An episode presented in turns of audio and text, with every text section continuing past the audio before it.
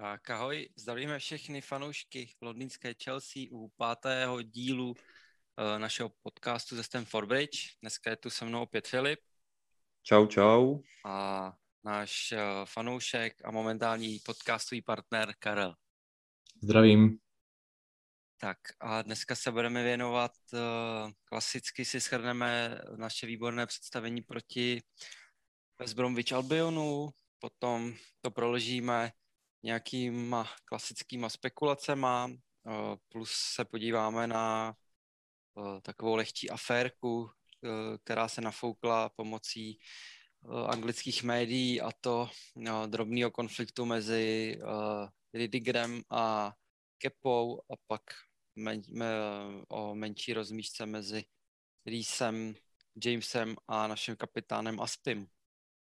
A a tak dále. Plus jsme si říkali, bychom mohli probrat nějaký ty celkově uh, vlastně charakter našeho týmu, co se týká ne jako celkově, ale individualit, ale k tomu se můžeme dostat později a začneme opět uh, naším víkendovým zápasem, který uh, se nám výborně povedl. Dostali jsme bůra od sestupujícího West Bromwich Albionu, nebo momentálně sestupujícího West Bromwich Albionu, Albionu tak co k tomu říct, no. Asi, že to byla extrémní ostuda a jak jste to vnímali, chlapci? Se toho ujme? No tak asi, jak jako říkáš, ostuda to byla určitě pořádná, no. Otázka, jako, aby se z toho kluci nezesypali z tohoto zápasu, bych měl trochu strach, ale bylo to prostě vidět, že jsme hráli po repre pauze a jak ty jsi už říkal, tak tady ty zápasy v letošním roce, které jsme hráli 13-30, jsme ještě nevyhráli ani jeden, no, což je taky zajímavá statistika to čtvrtý zápas, no, který jsme nevyhráli, nebo třetí nebo čtvrtý zápas, co jsme hráli jako první vlastně dopoledne a bez výhry. Takže asi nějaká kurz na nás. jako musíme zase říct, že hodně zápas ovlivnila druhá žlutá pro Silvu. Můžeme se asi, můžeme tady asi diskutovat o tom, jestli byla nebo nebyla, ale to asi nic nemění na tom, že jsme prostě dostali pět gólů od cestupujícího ve Zbromu.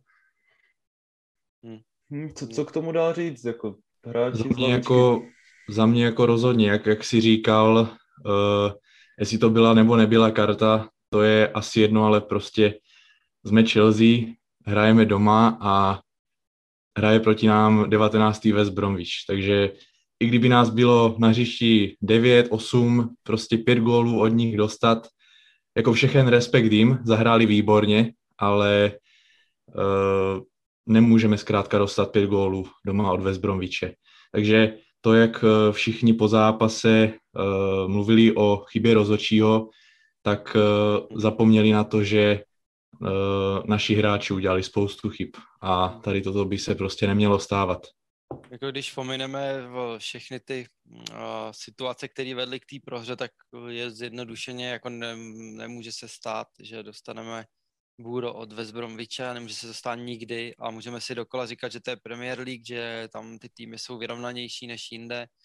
Uh, určitě to můžeme srovnat se Sláví nebo s Bayernem, který po červené kartě v desáté minutě rozstříleli 4-0 svoje soupeře v lize, ale samozřejmě to jsou uh, jiné ligy a funguje to tam jinak, ale uh, myslím si, že bychom pět gólů v deseti neměli dostat ani, já nevím, proti Manchesteru City. Prostě neměli a nesmí se to stát. A bohužel jako ty góly, přijde mi, že se dost těm gólům dalo zabránit. No samozřejmě uh, ten zápas asi ne, neměl předpoklady k tomu, aby byl nějaký výborný. Vidíme, že dost našich hráčů odehrálo do zápasů uh, v repre, plus samozřejmě nebyla v podstatě žádná uh, příprava, žádný odpočinek na tenhle zápas a víme, jak nám jdou zápasy po repre pauze. Nicméně uh, tam proběhlo 1-0, takový šťastný gol, ale v pohodě, no a potom červená pro Silvu. A tak, no, ještě jako ten rozhodčí, ten kút je jako je šílený rozhodčí, ale tam se ani, ani nedá zlobit, protože, protože on takhle to dělá každý zápas, to jako není, že on by někomu nadržoval, ne prostě je fakt jako neschopný, já nepamatuju si, kdybych koukal na zápas, kde on pískal, tak aby to bylo v pořádku, ale za mě jako nevím, no, přijde mi, že druhá karta pro Silvu, kdy prostě blokuje střelbu a sice agresivně, ale je to prostě blok střely, uh, sestřelil ho, tak obhájí si tu žlutou, ale za mě v tom případě měla být penalta prostě na Wernera, no. To je jako to je jediný, Souhlasím, no. k čemu bych se Hrozně vrátil. necitlivě posouzená situace, no, na toho Silvu. Prostě Jako- nejde tam s úmyslem někoho sjet, prostě brání střelu a jako, Hmm. nevím, no, je to, je to těžké, asi jako žlutá, ano, ale v tom případě, jak říkáš, měla by ty žlutá na Wernera penalta, no. Můžeme se bavit, že prostě Silva se svýma zkušenostmi jakoby mohl to zkusit vyblokovat nějak jako úsporněji samozřejmě, ale zas na druhou stranu ten blok, kdyby se mu povedl, tak by byl výborný. No, tam prostě ještě k tomu týpek bohužel to vystřel asi do sedmého patra, takže vlastně z toho nebylo nic. Nevím, no. Překvapilo mě, že nebyl ani VAR teda, toho Wernera. O, za mě to byl jednoznačný faul, jako to prostě mu tam dojel nohu. Úplně, úplně stejný případ, jako když o, to bylo s Newcastlem, sejmuli Temiho, jak pak musel střídat. Jo, jo, jo. Vím, Tak kdy prostě Fred uh, veme míč i s kotníkem, jako za mě, za mě jako penalta, no. Ale jako nebudem se na to vymlouvat, protože 5-2 od West Bromu je 5-2, no. A teď, uh, co k tomu vedlo, no. Uh, nevím, no. Výjimečně docela dost obraných chyb, nebo takhle, výjimečně zatuchla. Uh, já si myslím, že Zuma by nikdy neměl hrát vedle Christensena, protože už nám několikrát předvedli, že když spolu hrajou na dva stopery, tak to je šílený. A teď vlastně hráli vedle sebe a Zuma hrál středovýho. A ne, vlastně nehrál středovýho. Silva hrál střed, nebo Silva hrál pravýho? Silva hrál střed. Silva ve středu byla, no. Silva hrál střed, no ale ten gol, co šel, vlastně... Uh... Jo, takhle, já jsem vlastně zmatený, protože Silva už tam pak nebyl, že jo, jak jsme dostali ten první gol, takže to tam stál vlastně Christensen se Zumu vedle sebe, nechali se překopnout míčem. Nevím, no. Mm, jako kde hledat ty chyby, tam těch chybilo spoustu Hrozně, individuálních. hrozně individuálních, jak říkáš, prostě Jorginho tam v podstatě on vlastně vykartoval toho Silvu, protože dvě takové nahrávky dozadu, co tam jako dal, tak Silva už to jako jenom hasil, no ale těžké toto, no, prostě hrozně individuální chyb No. rozhodl ten zápas, jak říkal Tuchel, to byly prostě chyby, které jsme za celou sezónu snad ani neudělali a teď prostě jsme jich udělali tři takové, jo, v tom zápase, jako hrozné. Ten, No. ten Jorginho, na co v tom zápase sáhnul, tak to To- to prostě bylo- vedlo, vedlo k šanci West Bromu. To prostě byla, to byl jeho nejhorší výkon tuto sezónu za mě. Já jsem si Jako, dělal, no já bych řekl možná i v dresu Chelsea, tyjo, v Chelsea. To je možné, Jako- to máš pravdu. Já mě tohle připomín, připomnělo hodně výkon Bakajoka, když uh, hrála Chelsea s uh, Watfordem a dostali jsme tam 4-2 a pak To je pravda. a, pak, a tam s tím rozdílem, že Jorginho nevykartoval sám sebe jako Bakayoko, ale vykartoval Silvu. No. jako pak hlavičkou nahrál na gol v podstatě. Uh, nevím, no, celkově trošku mě zarazilo, že dost lidí na našich stránkách, nebo celkově na stránkách Chelsea uh, velebilo Kovačiče, že zahrál výborný zápas. Za mě to byl jeden z jeho nejhorších zápasů v našem drezu. A to z jednoho prostého důvodu, mm, četl jsem takový článek, nebo no, takový docela dost silný argumenty pro mě a uh, že prostě a já i to tak sám vnímám, že Kovačič je výborný fotbalista, technicky vybavený a výborným driblingem, ale prostě dost lidí přesto, protože je takový náš jakoby v uvozovkách hazard, ná- moc hráčů tohle to nepředvádí, tak mu promí chyby, uh, které jsou úplně kritický a hráč jako na jeho postuby by toho neměl nikdy dopustit. Jo? Já jsem sdílel uh, video uh, toho Kovačiče do jednoho komentáře u nás, kdy vlastně on byl napletený u všech pěti gólů, kromě, kromě toho prvního, protože tam samozřejmě překopl golman celou tu, celou uh, tu řadu těch hráčů, tak si nemohl nic udělat, ale uh, nevím, no, mně přijde, že Kovačič je výborný fotbalista a většinu zápasů hraje skvěle, ale má hrozně nízký podle mě fotbalový IQ a je to způsobený tím, že když byl mladý v Realu Madrid, tak moc nehrál, že jo? protože samozřejmě dostat se, on šel do Madridu docela mladý a dostat se do Madridu, který vyhrává non-stop ligu mistrů, tak je dost těžký. Ale jak vy třeba vnímáte Kovačiče? Jako celkově, když si vezmete, že to je záložník v této uh, formaci, kde je to čistý CM, kdy si, kdyby si měl plnit jak úlohy dopředu, podobě nějakého zakládání útoku, podržení míče, plus to bránění, který Kovačič... Já jako, jako musím teda říct, že jak teda jeden nejmenovaný odborník z fotbalu netradičně tvrdí, že Kovačič je top 3 CDM, tak jako zrovna třeba v tomto zápase nám ukázal, že jako prostě CDM není pro něho pozice. Že on, jak jsme mohli vidět, tak prostě vysral se tam na sprint dozadu a to nebylo poprvé tady ta situace. Vím, že už v jednom zápase bylo takové to video, kdy prostě jde proti útok a Kovačič stojí a vyklusává na půlce, jo? což jako je psycho, jak takový hráč by jako mohl hrát CDM, to nechápu, ale myslím si, že tato formace je jako pro něho dobrá, no? že tohle mu sedí docela s tím Žoržíněm, ale nevím, jako jak říkáš, prostě nelíbí se na něm ta jeho psychika, že jako běhá, maká, když se vyhrává, když se prohrává, tak jako jede půl plyn, no. To mě docela mrzí od takového hráče, jako je on. Já bych třeba, já bych třeba uh, si dokázal představit uh, Kovačiče uh, na tom CDMku s tím, že by tam musel být Kante, protože uh, ten by to dozadu prostě za něho uběhal, ale pokud by tam byl s Georgínem, tak tam v podstatě, jak kdyby tam nebyl nikdo. Georgino bránit neumí, ale t- Kovačičovi tam je problém, že jako Kanté s Kovačičem taky bránit neumějí, protože oba dva jsou dobrý v té práci, že jo, v hloubi toho pole, ale pozičně je Kovačič Kanté fakt jako šílený. Oni nejsou takový ty holding midfielder, jak se říká v Anglii, něco jako je Rice, Matič, nevím, uh, Casemiro a tak dále. Jo, že tam je právě problém, že Kovačič, oni jsou dobrý dozadu, ale abych prostě to, ta hlavní úloha toho CDM nebo toho DMK je, aby prostě sbíral ty hráče a ty míče okolo toho vlastního vápna a Kovačič tam nikdy není. Třeba teď se to krásně ukázalo proti tomu Westbromu, kdy dobíhali ty hráči a Kovačič tam jako nikdy nebyl v tom nebezpečném prostoru kolem té 16. Což eh, to prostě ta je největší jeho slabina, je ta poziční hra, že on jako špatně odhaduje ty obrané situace a přijde mi, že prostě to mega schazuje tu jeho hru, no.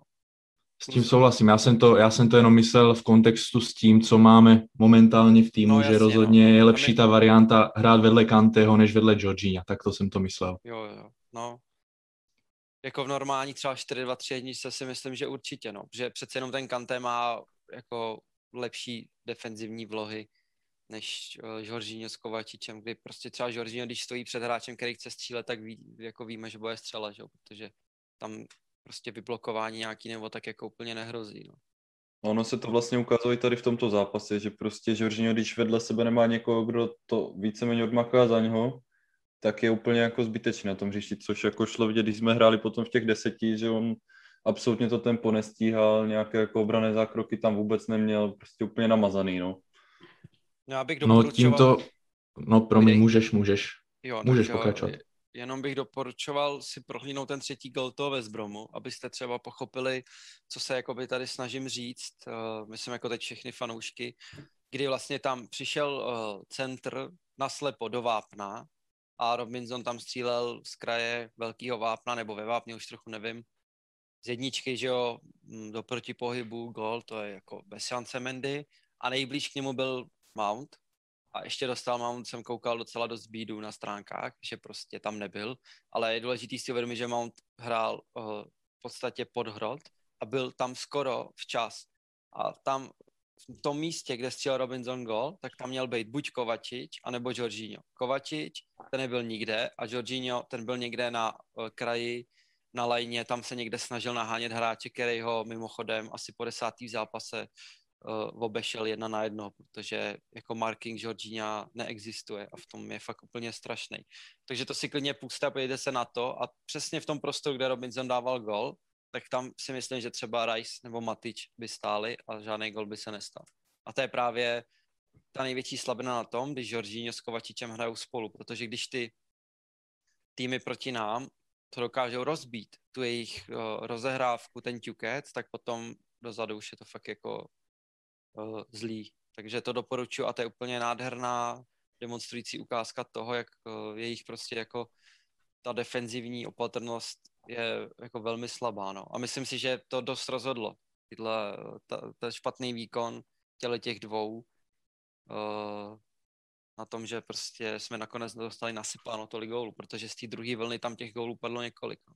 Pro mě, že do toho skočil, můžeš vidět. Ne, ne, tímto, tímto jsem tímto vlastně, co si říkal, tak eh, tím můžu říct, že ten zápas eh, nezvládli jak hráči, tak i Tuchl, protože to, co předváděl Jorginho v prvním poločase, mělo být prostě ve druhém zastaveno, měl tam přijít Mount na tu jeho pozici, který tam podle mě udělá daleko víc, jak si říkal, než on, že on by tam, on tam skoro byl a ten Jorginho byl úplně někde jinde. Sam Rice to říkal, že Mount není jenom útočný hráč, ale dokáže zahrát i tady na této hlubší pozici.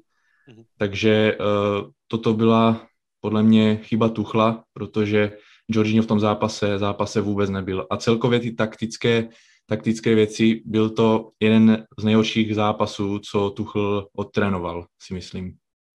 On i sám potom jsem četl nějaké prohlášení na tiskovce, že říkal vlastně, že i on sám jako pochybil, že měli hrát trochu jinak v těch desíti, no, že hmm. jako zkoušel tam nějaké rozestavení, ne, nepamatuju se teď vůbec, co říkal, ale že prostě no. měli, měli hrát jinak, no.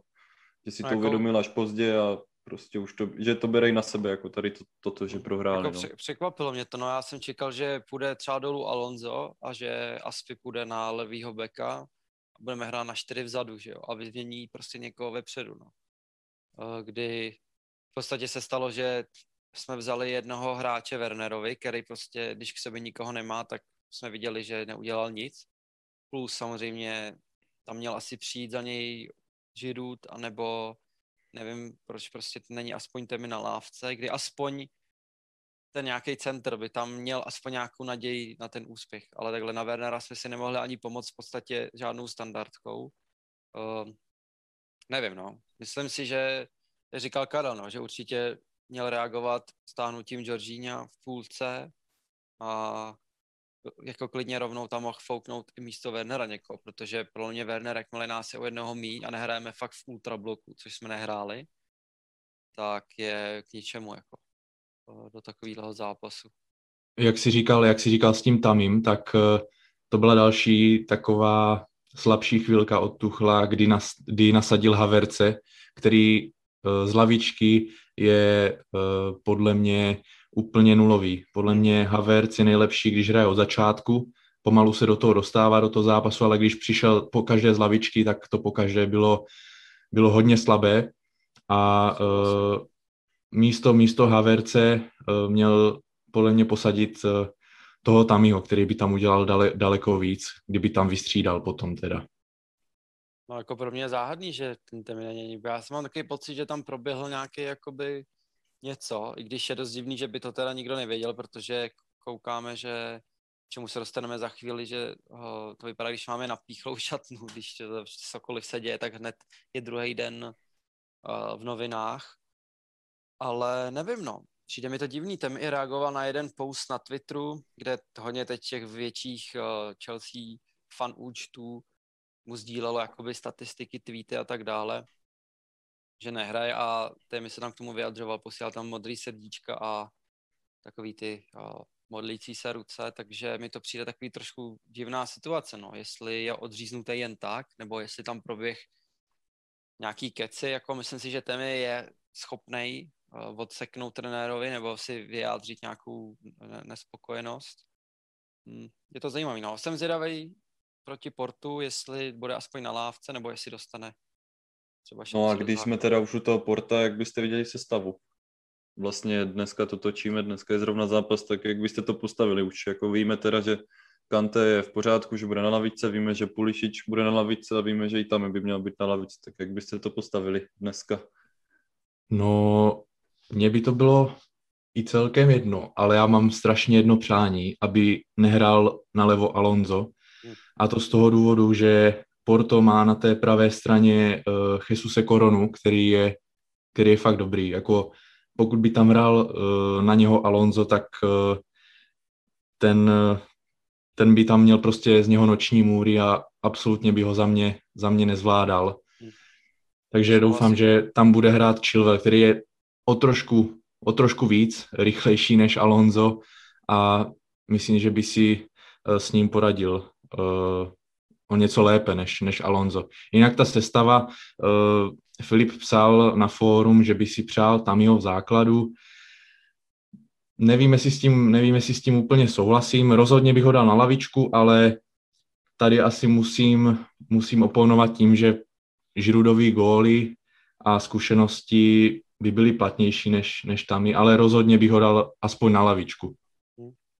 Když se ještě vrátíme teda k tomu Žirudovi, tak jsem tam ještě potom teda uh, jsem tam psal, že vlastně si myslím, že Porto úplně jako nebude bránit, tak jak si jako většina myslí. Oni jako když jsem se díval na ty statistiky proti Juventusu, tak oni jako taky úplně nebránili, že by prostě se zatahli a stali na svůj půlce, takže si myslím, že jako tam potřebujeme právě útočníka, jak je Tami, protože tam podle mě jako v pressingu dělá mnohem víc než Žirut, který prostě, jak se o tom bavíme pořád dokola, je dobrý prvních 30 minut, anebo posledních 30 minut z lavičky, jo? protože mně přijde, že kdykoliv on nastoupí ze základu, tak nemá pro ten tým takový přínos, no.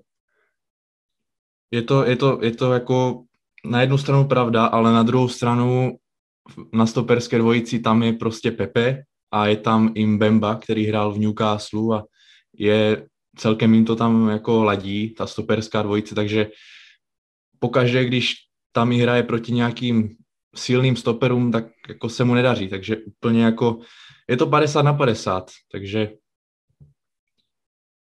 jako důležit, nebo takhle, jsem koukal nějaké statistiky, tam někdo psal do komentářů, že ten mi dal naposled gól nějakému jinému soupeři než z třetí nebo, nebo druhé ligy uh, prosinci, no, což je dost. On teda samozřejmě teď docela nehrál, ale to je zamýšlení, no. Když Žiru taky zrovna teď nedával góly, protože furt vlastně hraje Werner, který ty góly taky nedává.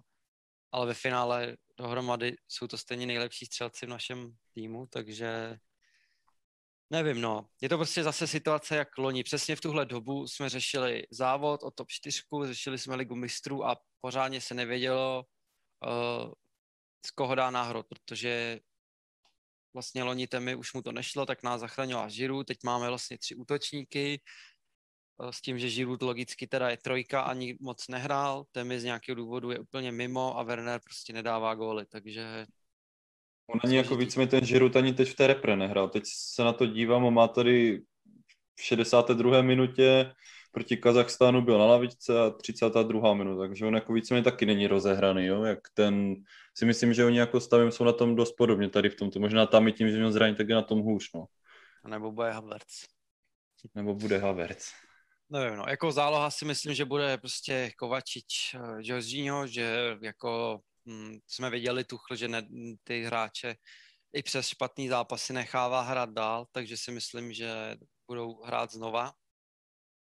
A asi bych řekl, že to je i dobrá vol, volba proti Portu. Prostě potřebujeme být na míči, potřebujeme držet blíž u brány, protože jsou to prostě Portugalci, mají tam Brazilce šikovný, Mexičany. Uh, Marega je prostě silný, rychlý útočník, takže je lepší určitě být jako na míči a držet je dávat naší brány, protože ty lety uh, ne, jako jižanský týmy, ty prostě Portugalci a oni jsou, mě připomíná dosta portugalská liga, jako kdyby Jižní Ameriku tím stylem, jak se tam hraje, takže jsou takový hračičkové, takže tam oni si umějí poradit před tou bránou, takže bych tam je držel dál. No. Ale určitě uh, bych chtěl vidět Christensena, vzadu místo Aspyho. Předpokládám, že Silva bude hrát 90 minut, protože v Lize bude mít volníčko. A slyšeli jsme teda na, na tiskovce, že bude hrát Rudiger. A chtěl bych ho vidět, no, se Silvou a s Christensenem. Prostě furt si myslím, že Aspy je nej, jako z nich nejslabší a že by neměl hrát i přesto, že, že je kapitán, no. A myslím si, že bude normálně hrát klasicky Uh, nevím, co ten útočník, ale podhrod si myslím, že bude Mount se Ziechem, protože Ziech teď docela je hodně nominovaný od Tuchla a s tím, že ještě vlastně Pulišič měl nějaký to prapodivný zranění a Tuchl úplně nedává hráče hrát hned po zranění, tak si myslím, že bude hrát Ziech s Majsnem, no. protože Kalum nějakého důvodu taky úplně přestal hrát. Ale uvidíme, no. Asi největší rébus je levej back a útočník. No, taky doufám, že bude hrát ten Chilwell, protože i když na něj dost lidí nadává, tak on prostě umí vystřelit, má dobrý centr a hlavně dozadu je jako zodpovědný. Tam prostě, když je potřeba udělat faul, tak ho udělá klidně za žlutou kartu, to ten Alonso prostě taky dělá fauly za žlutou kartu, ale někde v první třetině soupeřové, soupeřové půlky, takže tam je to úplně k ničemu. No. Já jenom doufám, že... Eh, pardon, můžeš. ono je to taky tím, že vlastně Alonso, když se podíváme, tak on tam jako běhá pomalu jako útočník, jo? že Chilwell hmm. hraje prostě líp dozadu tím, že nehraje tak strašně moc ofenzivně jak Alonso a možná i na to doplácí. No. Hmm. To, to ano, no. Já jenom, já jenom jsem chtěl říct, že doufám, že, že to nepodcení, že ten zápas s tím Vesbrovičem eh, je nakopl, namotivoval. Hmm. Eh, sám trenér toho Porta říkal, že je nerad, že jsme prohráli takovým, takovým způsobem, že budeme teď eh, nejspíš namotivovaní, takže doufám, že to, že to prostě nepodceníme, ten zápas. Právě tady, tady v tomto já jsem si trošku přál, aby jsme si vylosovali uh, Real Madrid, protože uh, herně se mi úplně Real, samozřejmě včera, včera hráli proti Liverpoolu výborně, ale dlouhodobě se mi Real úplně herně nezdá, a takže by nám to, by nám to podle mě sedělo, ten tým a uh, byla by tam i ta dávka té motivace, protože furt by to byl Real Madrid, takže si myslím, že by to byl lepší soupeř než Porto, protože Porto v podstatě nemá co ztratit a od nás se očekává jenom výhra, takže snad to, snad to zvládneme. No ale je pravda, že je lepší teď dostat na držku takhle 5-2 v Lizen a vybít si ten vztek vlastně a uvědomit si, že nás může kdokoliv porazit, že jo? protože celkově tyhle ty dlouhý uh, jakoby série bez těch proher může ten tým až jako zbytečně uklidňovat a my víme, že spoustu těch výher nebylo tak, jako když si uh, Vememe, že třeba Bayern loni všechno vyhrával, ale jakým stylem, že jo? To bylo prostě všechno o tři, čtyři góly i v té lize mistrů, jak nás se sekal, ty tam vyprovodili, na koho si vzpomněli a to je prostě v pohodě jako série, která se dá považovat. To naše samozřejmě je to taky dobrý, ale když si k tomu vezmeme spoustu remí, spoustu 0-0 zápasů, eh, pak pár výher, prostě utrápená se Sheffieldem a tak, takže je lepší teď ta facka a uvědomit si, že nás čeká Porto a máknout do toho, než třeba vyhrát prostě nebo hrát jedna jedna s West a nafasovat 2-0 s Portem, no, v Lize mistrů, takže, takže uvidíme. Jako já jsem rád, že to Porto máme, protože po té sérii, kdy jsme fasovali Bayern nebo Paříž, tak jsem rád, že máme jako aspoň matematickou, nebo matematickou to ne, ale papírovou jako šanci jít dál, no. Ale samozřejmě je to Liga mistrů. Víme, co udělal Ajax před dvěmi lety, víme, co Lyon loni úplně zničil Manchester City. Eh, teď třeba včera taky každý čekal, že City přejede Dortmund a ono ve finále 2-1, kdyby rozhodčí to tam nějak nepodělal, tak to mohlo být klidně 2-2.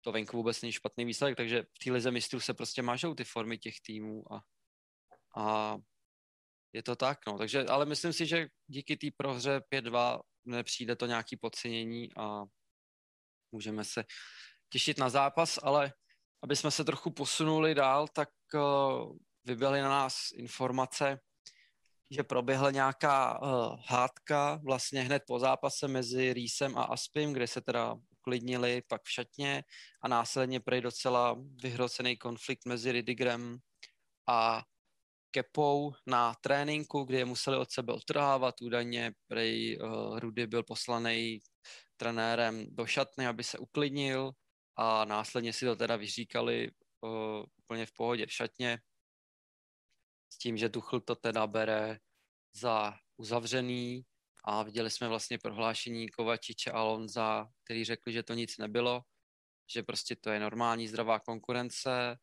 a co si o tom myslíte? Ono, ty prohlášení, prostě Kovači s jsou nejlepší kámoši Ridyho, takže úplně uh, Alonso úplně není člověk, kterýmu já věřím, ty tiskovky prostě mi nějakým způsobem nesedí a nevyhovuje mi, co, že to, co říká, je úplně pravda vždycky, ale to je jenom můj subjektivní pocit. No. A Kova je jedna ruka s Rudym, takže Bůh ví, jak to bylo. Ale zase na druhou stranu Alonso je Španěl a s Kepou se znají dobře, i z repre, takže tam asi si myslím, že, že nejsou na žádné straně. A co si vymyslíte takhle o takové napjaté atmosféře? Nebo napjatý? Nevím, ano, přijde, na... mi to, přijde mi to opět divné, že u toho opět náš oblíbený Antonio Ridiger, který, jak už víme, tak už údajně měl nějak prsty ve Lampardovém vyhazovu teda. Nevíme, co na tom pravdy, samozřejmě byla to zase nějaká spekulace, ale nevím, já bych se jako upřímně ať hraje jak hraje, tak nemám z toho hráče prostě dobrý pocit, že je to po druhé za tak krátkou dobu a že prostě pořád v nějakém průseru tady s tímto Samozřejmě nevíme, jestli to byla pravda, co tam bylo, co tam nebylo, jo? ale působí to na mě jako zvláštně, že prostě zase je tam Ridiger tady u tohoto.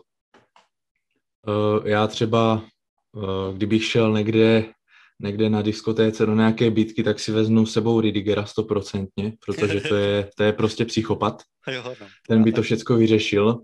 Ale jak říkal, jak říkal Filip, uh, Ridiger působí tak, že ty konflikty fakt začíná, uh, začínají všechny u něj ale takový to podobný konflikt na tréninku uh, je úplně normální a stává se to stává se to podle mě každý týden, každému týmu, akorát teď se to, teď se to vyneslo, vyneslo na povrch, takže bych taky zatím úplně neviděl, neviděl něco, něco víc.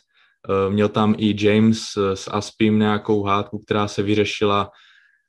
A to asi pramenilo z té drtivé porážky, takže myslím si, že bylo určitě dobře, že si to, že si to mezi sebou všechno vyříkali. A bylo by to teda divný, kdyby dostali takový eh, kotel od Westbromu a byli by s tím v pohodě, nehádali no, by se, bylo by to fakt divný. Jako, eh, je, to, je to sport, chce, každý tam chce vyhrávat eh, a za mě je to úplně normální věc. Jako já jsem se k tomu i vyjadřoval kdy uh, každý, kdo jsme hráli sport uh, na jakýkoliv úrovni, tak prostě po takovýhle prohře a nemusí to být ani po prohře, prostě jsou situace na tréninku, kdy se může, může něco stát. Mě samotnému se stalo, že mě trenér vyhodil z tréninku prostě jenom protože jsem se srážel se spoluhráčema a prostě prostě uh, Rudy takový je, uh, a musím říct, že jako ten styl jeho hraní mi, nebo uh, to, jak on se prezentuje, tak je dost blízký jako třeba mojí prezentaci, když prostě jsme něco hráli, ať malý fotbal, nebo já, když jsem prostě hrál hokejový zápasy, tak přesně takhle ty provokace, takový v obličeje, divný keci a fauličky drobný a prostě takovýhle hráči jsou a někdo si to přenáší na trénink, no. Jenom mi přijde trošku divný, že zase u toho prostě je Rudy, ale na druhou stranu přijde divný, že uh, zas prostě metlo, hned ho metlo, ten no, novinář z The Athletic ho hned prostě vypere v novinách a ta první kauza se ukázala jako asi dost, dost mimo, protože když uh, teď na tiskovce se ptal vlastně uh, Ridigra metlo na něco, tak ten na ně koukal jako, že tak si to tady dokece, já ti tamhle vyloktuju prostě za rohem. Uh, takže nevím, no. Jako myslím si, že Rudy bude asi spouštěč toho, ale na druhou stranu mi přijde, my jsme se o tom tady bavili, když jsme začali nahrávat, že je takovej, že každý se ho zastal o, při té první kauze a na těch tréninkách a fotkách a Instagramech vypadá, že je jako velký kámoš se všema, že prostě je fakt jako parťák a za mě jako normální, že si vyjeli prostě do toho. Nevím, co tam bylo, bráli, že ho musel vyhodit z tréninku, jestli se prostě zase chtěl prát ten Magor s kepou chudákem, tak uh, nevím, no. Za mě, za mě je úplně normální věc a přijde mi až zbytečný, že o tom takhle ty noviny psali a toužili prostě pro nějaký, po nějaký senzaci. Uh, tam, je to zbytečně nafoukle, jak říkáš prostě. Jako daleko víc by mě rozčilovalo, kdyby jsem, uh, nebo kdyby jsme mohli jakoby mít šanci se dívat na ten trénink a po bůru od Bezbromviču bych je viděl jít v Cobhamu uh, vysmátý a že si dělají srandičky. Přesně to tak. Mě, to by mě jako naštvalo daleko více, když, když se tam jako pobijou. Takže jak, tak... si říkal, že, jak si říkal, že Ridiger je s každým kamarád, tak to jde vidět i uh, na YouTube, na různých Sky Sports dělají různé challenge s hráči, hmm a všichni prostě, tam, tam jsou různé otázky typu, kdo je největší srandista, kdo je největší cool guy prostě v kabině, tak 99% eh, hráčů Chelsea říká jako prvního Antonia Ridigera právě, takže eh, je to, je to prostě čistě v jeho, v jeho povaze, eh, je prostě soutěživý dost, ale všichni ho tam podle ně, podle ně mají rádi, takže nehledal bych fakt zatím něco, něco víc. Hmm, souhlasím, no. Hmm jako když jsme se tady dostali k tomu, jaké je, tak uh, jsme tak nějak mohli trošku si říct uh, charakterově vlastně, jaký zastoupení hráčů máme v týmu, protože je to dost častý uh, téma vlastně v našich předchozích tří trenérů, tak časem uh, za jejich angažmá vyšla jinak formulovaná, ale stejně myšlená věta s tím, že je strašně těžký tenhle ten tým motivovat k výsledkům. Vlastně stěžoval si na to Conte, stěžoval si na to Sary, který to řekl na plnou uh, hubu, když to tak řeknu, že prostě neví, čím to je, ale že tahle ten tým, co má, se strašně těžce motivuje. A samozřejmě proběhly tam nějaké změny uh, v tom kádru a naopak Tuchl teď si docela ten tým chválí, co jsem tak vypozoroval, že jako s nasazením a že jsou všichni jako motivovaní a že mají jasně daný cíle. Teď vlastně Kovačič říkal, že si myslí, že s tímhle týmem uh, a co tam mají a s těma klukama si věří, že dojdou daleko, což je taková pro mě známka, že to je věc, kterou ten hráč říkat nemusí, když prostě ta kabina a ten tým není dobře nastavený, tak asi by si nevymýšlel zbytečně, že prostě si věřej a že, že doufají, že dojdou daleko.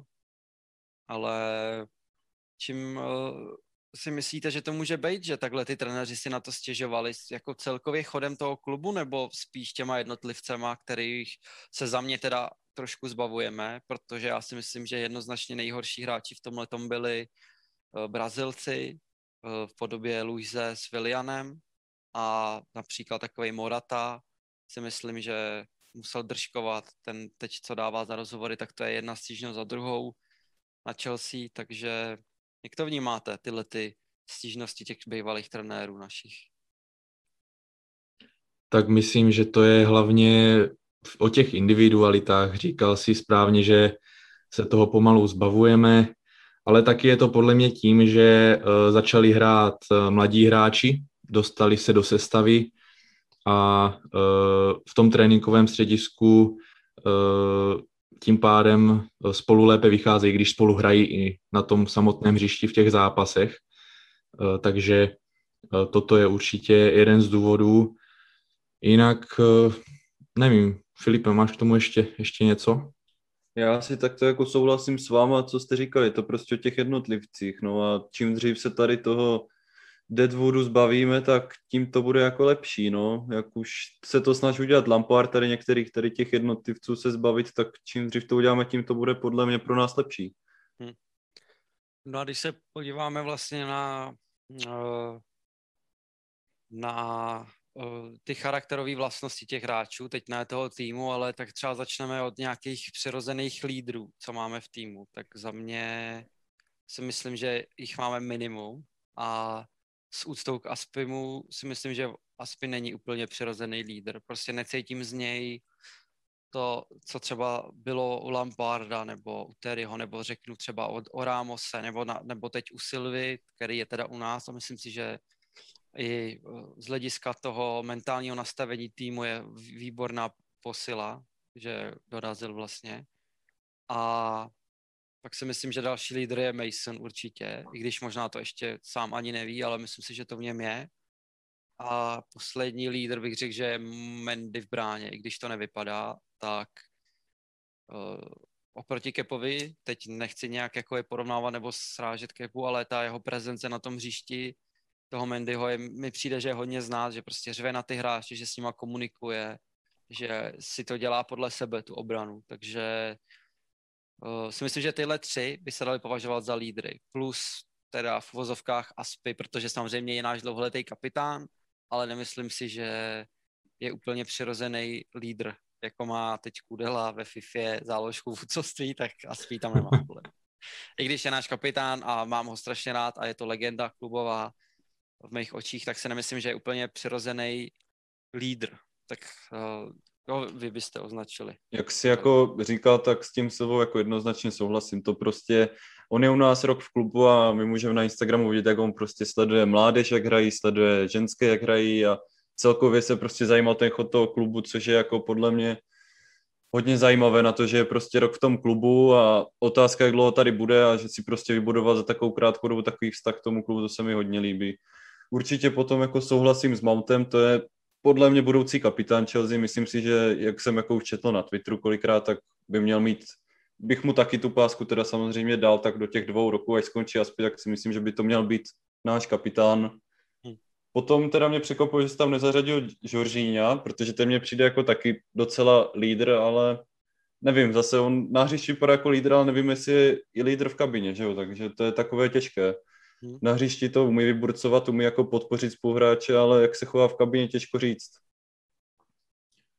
Eh, ty jsi říkal, já trošku teď budu bránit Aspiho, ale uh, srovnával si, že Lampard byl lídr, Terry byl lídr, ale uh, Aspi je teda náš kapitán a koho tam tak jako k sobě, k sobě tam to tak to moc nemá, protože měli jsme Terryho kapitána, ten k sobě měl Lamparda, který byl uh, na té lídrovské úrovni úplně stejně, ten tam měl Drogbu a měli jsme tam těch uh, osobností, kteří to přenášeli do té kabiny daleko víc, mi přijde. Takže ten Aspi tam úplně nemá takovou tu podporu, podle mě. A takže, takže ono to v tomto bych ho chtěl bránit, no. Jasný, no. To jako chápu, no. Ale jako za, já jsem myslel, jakoby uh, prostě z toho přirozeného toho, že víš, že na někom vidíš prostě, že lídra mě třeba u toho Aspio trochu chybí prostě nějaký jako burcování v zápasech, on dost často taky rozhazuje rukama, když třeba... Jasný, ano, gol, to máš pravdu, chápu, a no. tak, ale máš pravdu v tom a to nedávno, takže v tom se shodl i vlastně s Mourinhem, že ten říkal, že prostě mu vadí tahle dnešní doba, kdy měl v klubu Lamparda, který, který byl ve 23 letech hotový chlap, dneska má hráče, který je 23 a jsou to ještě kluci. Jo, takže to je to, kam, to, co si vlastně říkal ty, že dneska ty hráči, nevím čím to je, ale je to i, i víc viditelný, prostě jak ty hráči i, i vizuálně, i prostě tím chováním, že čím, jako čím díl trvá, než se z nich stanou prostě hotový, hotový chlapy, ale když uh, myslím, že vlastně Terry s Lampardem, jako já se nechci furt vracet jenom k ním, těch fotbalistů samozřejmě je spoustu, ale že uh, když to říká Mourinho, tak tomu prošlo ruky, rukama tolik hráčů, že to asi musí být pravda, no. že v dnešní době prostě nějaký přírodní lídr nebo lídr od přírody se hledá těžko. No. Proto se mi právě líbí ten Declan Rice, když úplně odbočím, že v něm to prostě vidím, no, to je takový, on taky prožívá s tím vezmem úplně všechno. Prostě a... je to tak, jak Mount bych řekl v hlavě nastavený, úplně hmm. jako bych řekl, že jsou to i bráchové normálně, bych to takto na první dobrou střelil. Jo, no. Takže tak, no. No a mm, tak když jsme probrali lídry, tak můžeme teď hráče vzít, co třeba uh, ve vašich očích jsou jakoby patří do té skupinky, který se dají nejmíň, nejhůř motivovat, nebo který jsou takový, že mě to dost jako jedno a, a tak, já nevím, jak to úplně formulovat. Prostě ty hráče, který, který spadají do těch věd těch bývalých trenérů, že to je skupina hráčů, který se nedají, nebo se jenom těžce dají motivovat, tak kdo to je ve vašich očích z našeho týmu momentálně? Tak určitě Nevím, já jako motivovat mi přijde, že je docela těžké Alonza, ale to je tak to pořád se budeme bavit o Alonzovi, protože už ho tady nechcem, nemáme ho rádi a tady takto, ale myslím si, že jako jeho motivovat je asi hodně těžké, ale když třeba z těch mladých, si myslím, že hodně těžké může být motivovat třeba Odoje, jo? protože mně přišlo, že on ještě minulý rok hrál pořád takový ten svůj jako dorostenecký fotbal, jak hrával a vlastně mi přijde, že on neudělal úplně jako velký posun od, té, od odchodu Lamparda. Jasně, zvedl se teď, ale přijde mi, že na ty výkony on nedokáže zatím navázat. Samozřejmě je to pořád mladý kluk, ale nevím, mně přijde, že mu možná i trochu uškodilo, že šel hned z akademie vlastně do prvního týmu a hmm. že možná mu potom jako trochu z toho narostl nos, ale přijde mi, že jeho bych si dokázal představit, že je těžké ho nějak motivovat, no. Uh, já bych tam možná ještě, ještě uh, zařadil uh, právě Zoumu. A to z toho důvodu, že ještě se vrátím k tomu zápasu s Vesbrovičem, uh, to, jak tam nedobíhal ty hráče, jak, jak kdyby se mu nechtělo, prostě předbíhali ho tam a prostě úplně se mu tlačilo čima pohní prostě, ale, ale, ale nepohl takže zařadil bych tam, zařadil bych tam Zoumu a to, to už bylo po několikáté tuto sezónu. On je golový, on ty rohy má jako výborné, ten výskok má jako neskutečný, hmm. ale, ale tady ta práce, ta zodpovědnost dozadu, tam, tam chybí. On právě potřebuje uh, někoho, jako je Tiago Silva, někoho zkušenějšího, takže s tím Kristensenem mu to, mu to právě moc nejde. A možná bych tam zařadil i Tamiho, i když ten za to teď moc nemůže, protože taky bych asi nebyl motivovaný, kdybych nebyl ani na střídačce proti týmu, jako je West Bromwich, takže hmm. No, že to právě je prostě rozdíl pak mezi těma extra dobrýma, nebo říct top hráčema, jakým je třeba Mason, který se prostě nesložil z toho, že přišel Havertz a podívejte se, kam se dostal Velebího celý svět pomalu, konečně jsme se vymanili z toho, že furt ho někam srovnávají a chválí ho eh, Southgate v Albionu, chválí ho Tuchl, chválí ho Roy Keane, Rio Ferdinand, všichni ho chválí. U dost lidí je to prostě první hráč na soupisce pro mm, Anglii na Euro i na mistrovství světa, takže prostě tou, tou pílí se tam dostal a to mi třeba právě souhlasím u Temiho i u Odoje chybí, no. Přitom to vidějí před sebou, vidějí třeba toho Reese s tím, uh, s tím Masonem, který prostě makají a dřou a nedělají držky a prostě nehráli třeba a kam se dostali. Jsou v základu v reprezentaci Anglie, oba dva je jim sotva přes 20 let. Takže prostě vidějí to před sebou a přesto si myslím, že hlavě jsou trošku slabší. No. Plus bych do toho klidně jo, zařad... určitě. Určitě s tebou souhlasím, že James s Mountem jsou určitě jako z těch mladých nejlíp jako nastavení v hlavě. No a ještě bych tomu klidně zařadil hráče, který uh, přestanou makat v uvozovkách, když se nám nedaří zápas. A to bych právě řekl, což souvisí taky s tou motivací. A tam bych teda právě zařadil uh, Kovačiče, právě Temiho, uh, i Alonza, bych řekl, že to jsou hráči, který prostě, když se nedaří, tak uh, už to um, použiju rozhazování rukama, který sám nemám rád, když to někdo vytahuje, ale na tohle se to hodí prostě, kdy uh, nevadí mi, když třeba ten Temi rozhazuje rukama, když prostě se snaží, bojuje, nevyjde mu to, on se dost často třeba zdobí sám na sebe, ale sere mě, když prostě nám to nejde, prohráváme, uh, něco se někomu nepovede a fréři tam házejí rukama v oči v sloup a tak, takže to mi tyhle ty tři přijdou na tom úplně nejhůř. No. Možná, nebo možná, i ten Zoom, abyste ho to dal zařadit, protože ten mi přišlo, že od 3-1 se na to úplně vykašlal, teď proti Westbromu, že už si řekl, tak to je jedno, že jo? To už prostě jako na to kašlem. A, a tak, no. Takže... Já bych se vás jenom, kluci, já teď trošku odběhnu od tohoto tématu, té motivace. Já jsem viděl teď zajímavé video eh, na YouTube a tam probírali, srovnávali tam ty anglické záložníky a to konkrétně Mounta, eh, Grealishe a Medisona a Foudna, tak by mě zajímal váš názor, bez ohledu na to, že jsme fanoušci Chelsea, milujeme Masona Mounta, tak by mě zajímal váš názor, kdo z nich je podle vás, podle vás nejlepší, protože Mount to tam prohrál na plné čáře.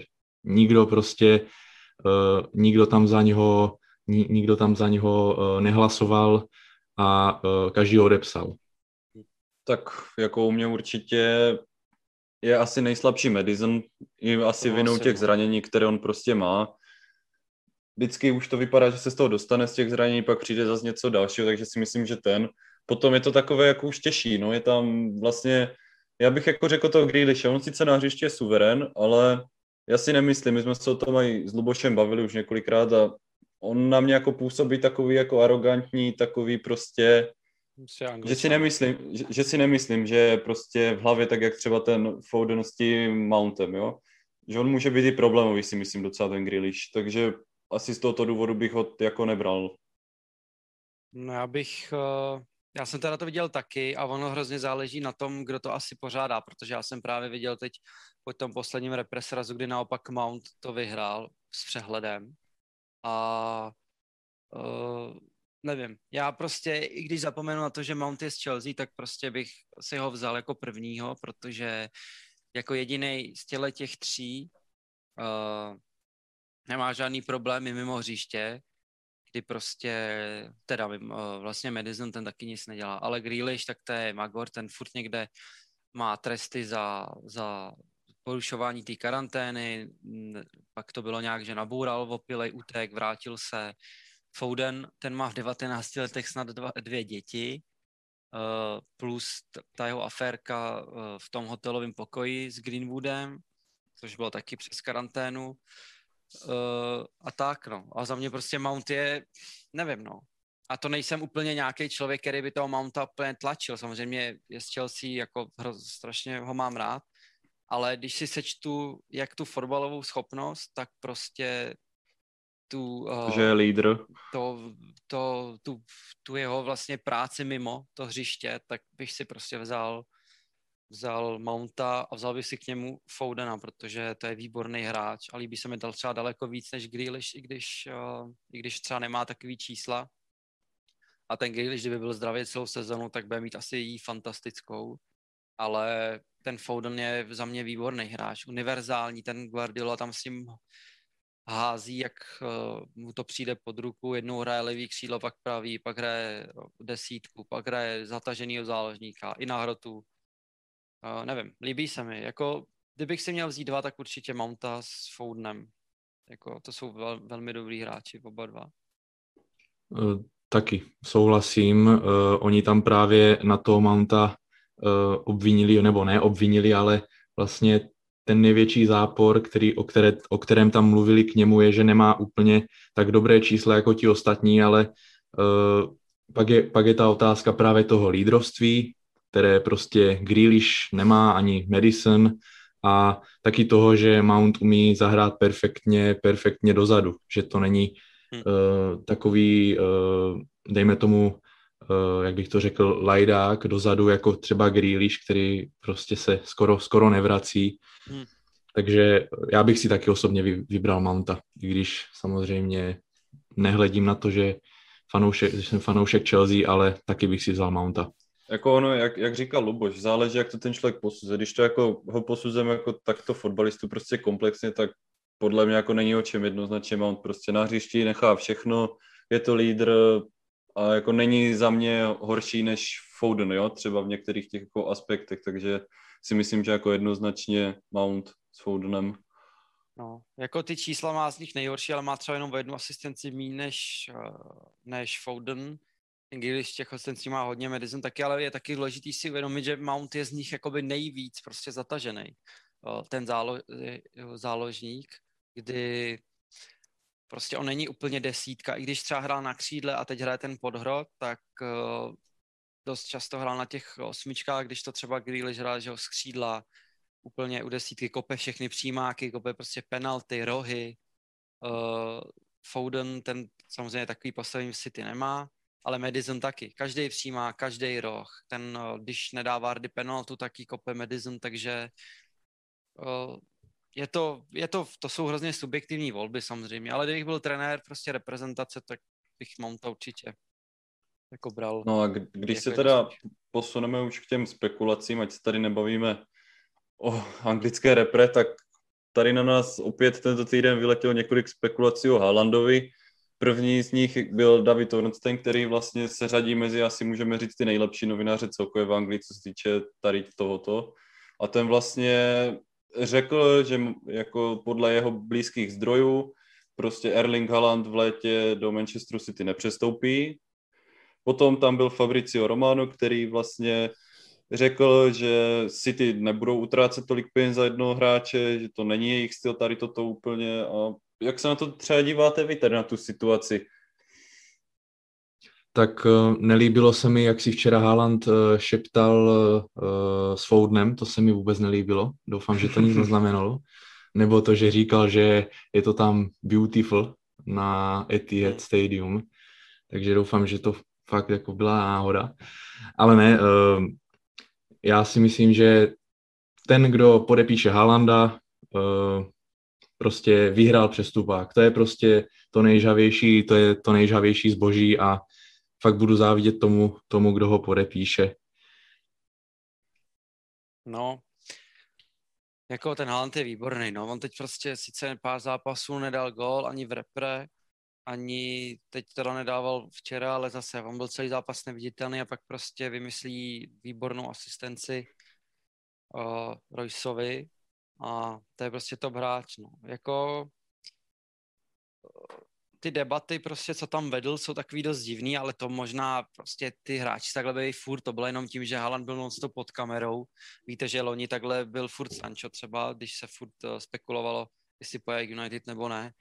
Uh, nevím, jako chtěl bych ho hodně, ale prostě myslím si, že jestli ta cena bude sahat silně přes 150, 140 mega, tak bychom se měli podívat jinde a, nakoup, a doplnit ten kádr i jinak, než o něj. Sou, souhlasím s tebou, protože je určitě jsou varianty, které sice Haaland je jeden, ale myslím si, že třeba ten Lukaku by taky nemusel být vůbec špatný a nebude o tolik horší zase jako hmm. Haaland. No, takže dokonce i ten Kane už jako v rozhovorech netvrdil, že zůstane v, v Tottenhamu, říkal, že se rozhodne, že uvidí po sezóně. Tam teda ne, úplně si nepředpokládám, že by kapitán Tottenhamu přišel do Chelsea, ale uvidíme, no. Jako, je to takový záhadný. Haaland, ten je strašný kámoš z půlky kádru City, do toho Guardiola řekne, že takovýhle útraty dělat nechtějí a ještě dneska vyběhlo, nebo včera, že vlastně City jsou hodně hodně Ztrátové. uh, ztrátový a my víme teda díky uh, Rumenigovi z Bayernu, že Chelsea je na tom velmi dobře finančně, zejména díky vlastně práci uh, Mariny Granovské, za což jí teda musíme všichni poděkovat, plus to chce investovat Abramovič. No. Takže si myslím, že prostě na toho Halanda máme velkou šanci, ale potřebujeme No, myslím si, že takhle, top 4 Liga mistrů je základ a plus, kdyby jsme se třeba podívali, já to nechci tady to, protože jsem na tohle dost pověrčivý, ale kdyby jsme se podívali prostě, nebo se nám povedl nějaký run v lize mistrů, tak i to na něj může udělat oko, protože každý chce hrát v týmu, který dochází daleko do ligy mistrů a už nikoho nezajímá, že to je prostě náhoda nebo ne, nebo že jsme měli lehký los nebo lehkou skupinu. Prostě se ukážeme v té lize mistrů a je to pro ten klub výborná vizitka. Takže takže tak, no. Ale to je, o tom se tady můžeme bavit. Hodiny. Furt každý díl. My, my, myslím si, že jako Halanda by chtěl asi každý z nás, no. Pokud se o Roman zaplatí sám a nebude to stát klub čtyřletý bankrot, teda do čtyř let bankrot, jako třeba Barcelonu, která uh, vymýšlí neskutečný kraviny, tak proč ne? Takový hráč je prostě jednou za, za deset let. No, potom se tam, potom se tam eh, objevil ve spekulacích Jadon Sancho, tak eh, co, co na něho byste říkali? Myslíte si, že, že bychom ho potřebovali? Tak uh, za mě potř- takhle. Ne, neříkám úplně Sancha, to jsou další desítky milionů, ale potřebujeme prostě křídlo, který umí být produktivní a když se na to podíváme, tak prostě nejlepší sezónu skřídel po Azardovi měl loni vlastně Pulišič, kdy no, tam měl snad 14 gólů a asistencí dohromady a to hrál tak půlku sezóny a to potenciálně může být produktivní křídlo, ale jinak prostě naše křídla, Ziyech to sice měl taky, ale v Eredivizi uh, Kalum prostě tam nikdo, tam jako ten potenciál je obrovský, ale vlastně ho ještě na papír úplně nebo na hřiště nepřenesu a mě furt chybí v našem týmu nějaký křídlo spolehlivý, který prostě řeknu Salah, Mané, i když teď nemá dobrou sezónu, tak prostě víte, že ten Salah dá 20 gólů v té sezóně. Jo? Nemusí to být 40, ale nějaký produktivní křídlo. Jako určitě bych se tomu Sančovi nebránil. No. Jako, nebo my jsme se tady před nahráváním bavili, že i jinak doplnit tým o jiný křídlo a to já bych preferoval nějakýho šikulu třeba z Premier League, no. Eh, my jsme tady říkali klidně toho Pereiru ze Zbromwich Albionu, který vypadá docela dobře, že by mu nemuselo vadit, že hraje na levičce, nebo Pedronetu, eh, Daniel Podens a takovýhle ty křidílka prostě šikovný, co nám dělají problémy v těch zápasech. Myslím si, že že by jako se nám takový ještě šiklo jedno ale těžko říct. Dokonce se objevila spekulace, že United mají pro Sancha všechno připravený, že se říká, že se čeká jenom na přestupový období. Já si myslím, že United na něj úplně peníze nemají, protože nejsou ani v lize mistrů a Evropská liga vlastně negeneruje v podstatě žádný příjem, takže to máte víc vlastně z jednoho zápasu, za normálního stavu, než za výhru ligy mistrů, teda ligy mistrů, Evropské ligy. Takže tak, no. To je za mě Sancho jako, jako to jsou takový posily, za který se prostě nemůže nikdo zlobit. No, otázka je, jestli třeba se nedá najít ještě něco levnějšího, podobného, nevím, no. Co si myslíš, Filipe, o tom? Tak levnějšího, pokud by teda, jako přijde mi i ta cena za Lukaku a docela hodně přestřelená, jo. Když si vím, že vlastně vyběhla od nějakého jako bulváru sice, ale cenovka 120 milionů mi přijde jako docela dost za hráče, který má 28 roků, jo. Takže když by jako ta cenovka byla takto velká, tak já bych se třeba ani nebal to Aguero. Jo, je to prostě hmm.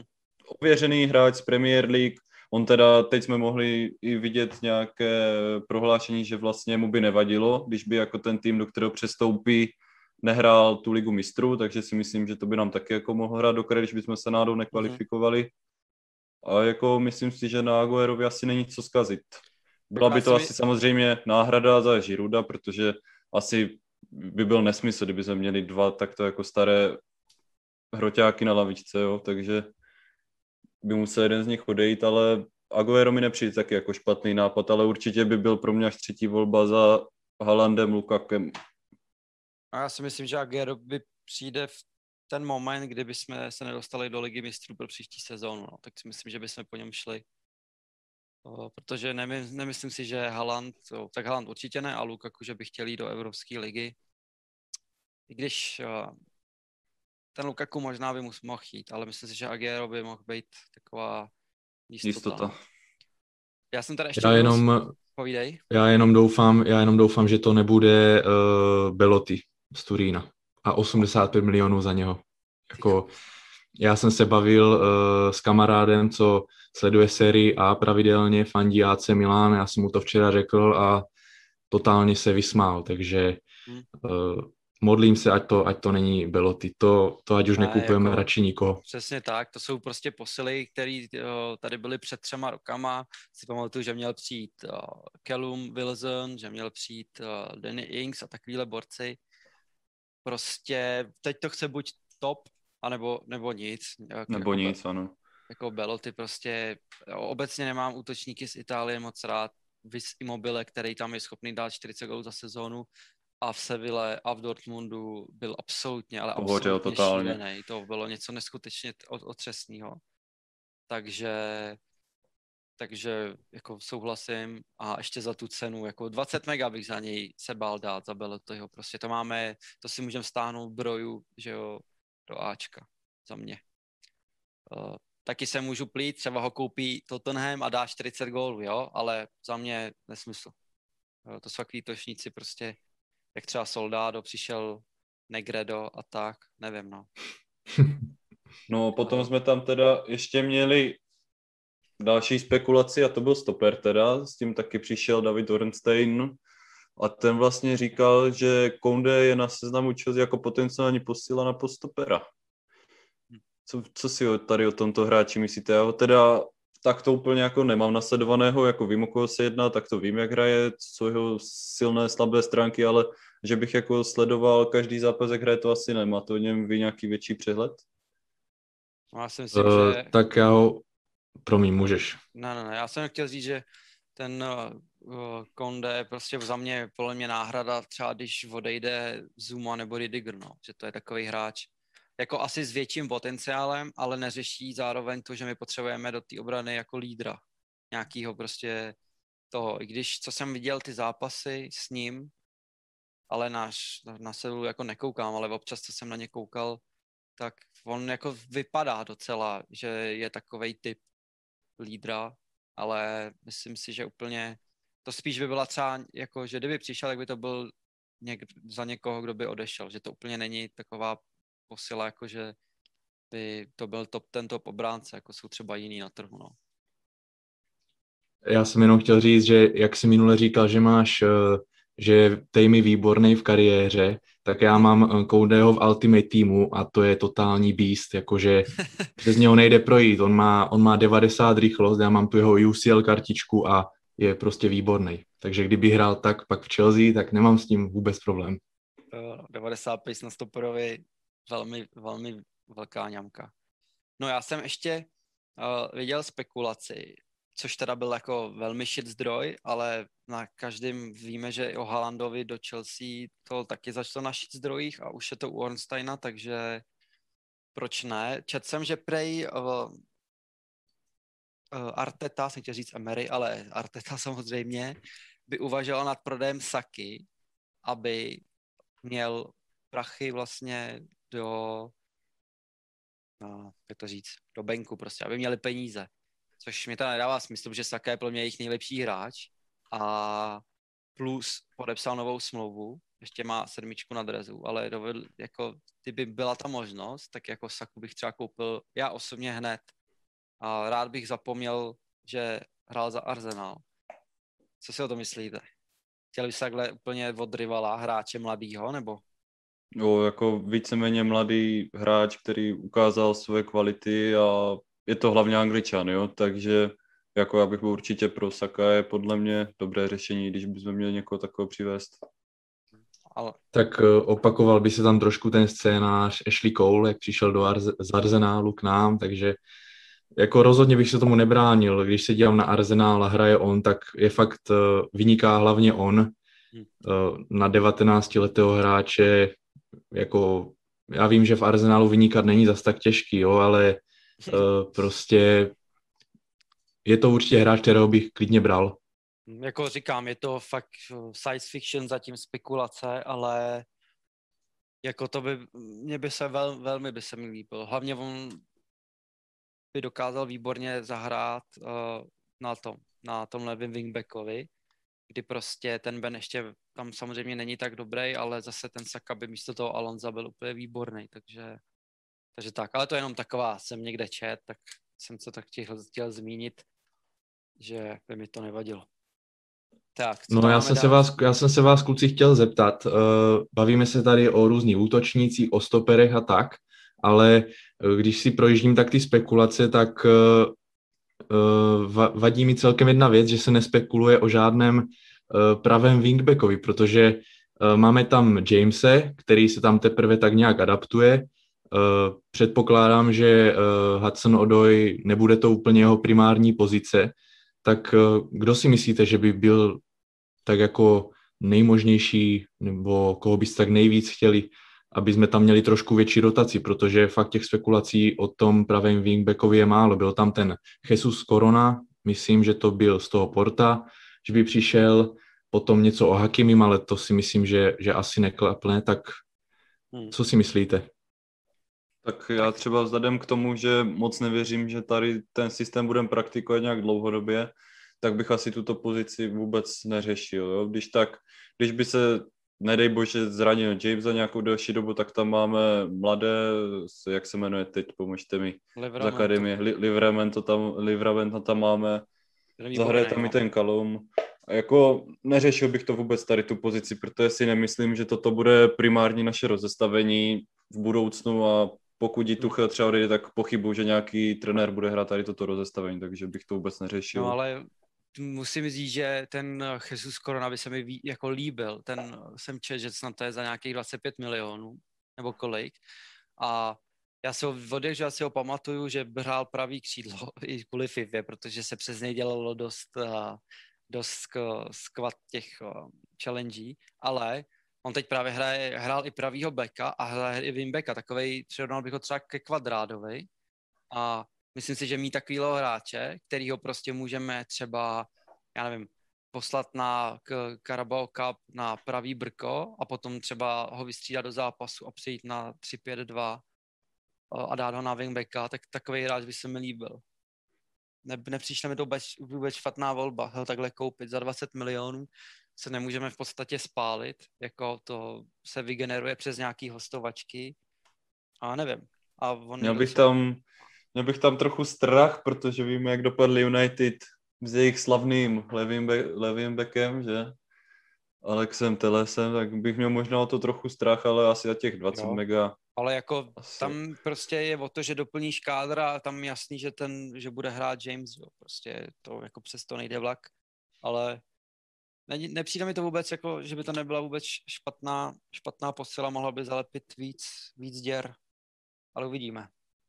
taky si úplně nemyslím, že pravý back je nějak hořlavý místo na, na jako posilu, no. Máme tam ty mladý, tak třeba se chytěj, no. A samozřejmě nejde na to spolíhat, že náhodou se někdo zraní a jako výdat Aspio nebo neprověřený mladý třeba tři čtvrtě roku jako na, na, na pravém beku, už úplně si myslím, že uh, by nám jako no, nedělalo dobře.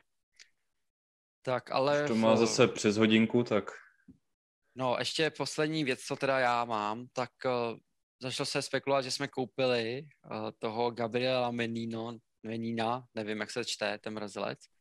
Uh, Fabricio teda vyvrátil, ale nějaký frajer, uh, nějaký brazilský novinář a televizní roz, uh, uh, hlasatel se s ním docela uh, dobře hádal na Twitteru. Říkal, že uvidí v červenci, že už je to hotový.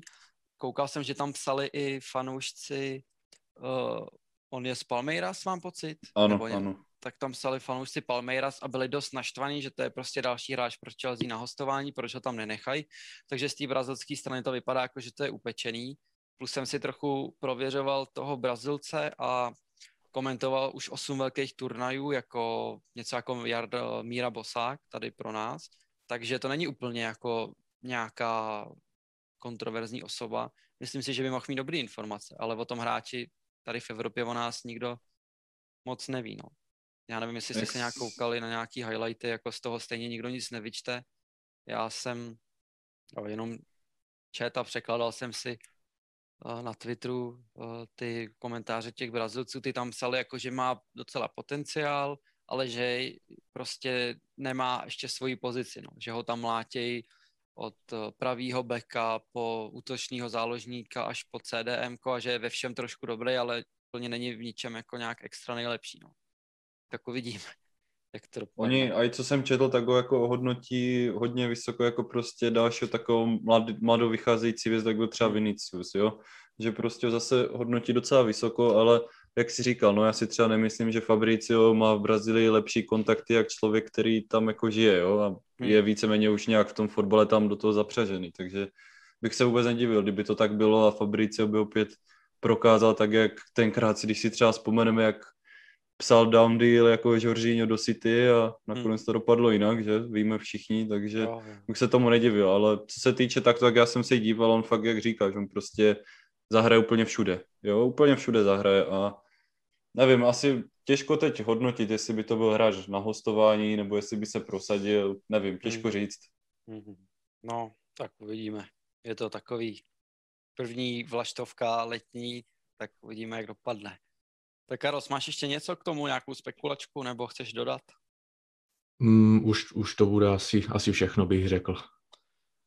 Tak fajn, no. Tak jsme to zase natáli, my vždycky si říkáme, to bude krátký, nakonec je to dlouhý, ale tak věřím, že to snad nikomu nějak nevadí. A, a tak, no. Takže my to nahráváme uh, teď před zápasem vlastně Ligy mistrů, uh, takže co uslyšíte, tak vlastně to uslyšíte asi až po, tomu se to natočíme samozřejmě společně s víkendovým zápasem a, a tak, no. Takže držme palce, i když vy teda nevíte, že máte držet, ale samozřejmě držet budete. Všichni fanděte a uslyšíme se zase za týden u podcastu číslo 6. Takže nezapomeňte držet modré lajky vysoko, protože Londýn je modrý. My se s vámi loučíme, mějte se krásně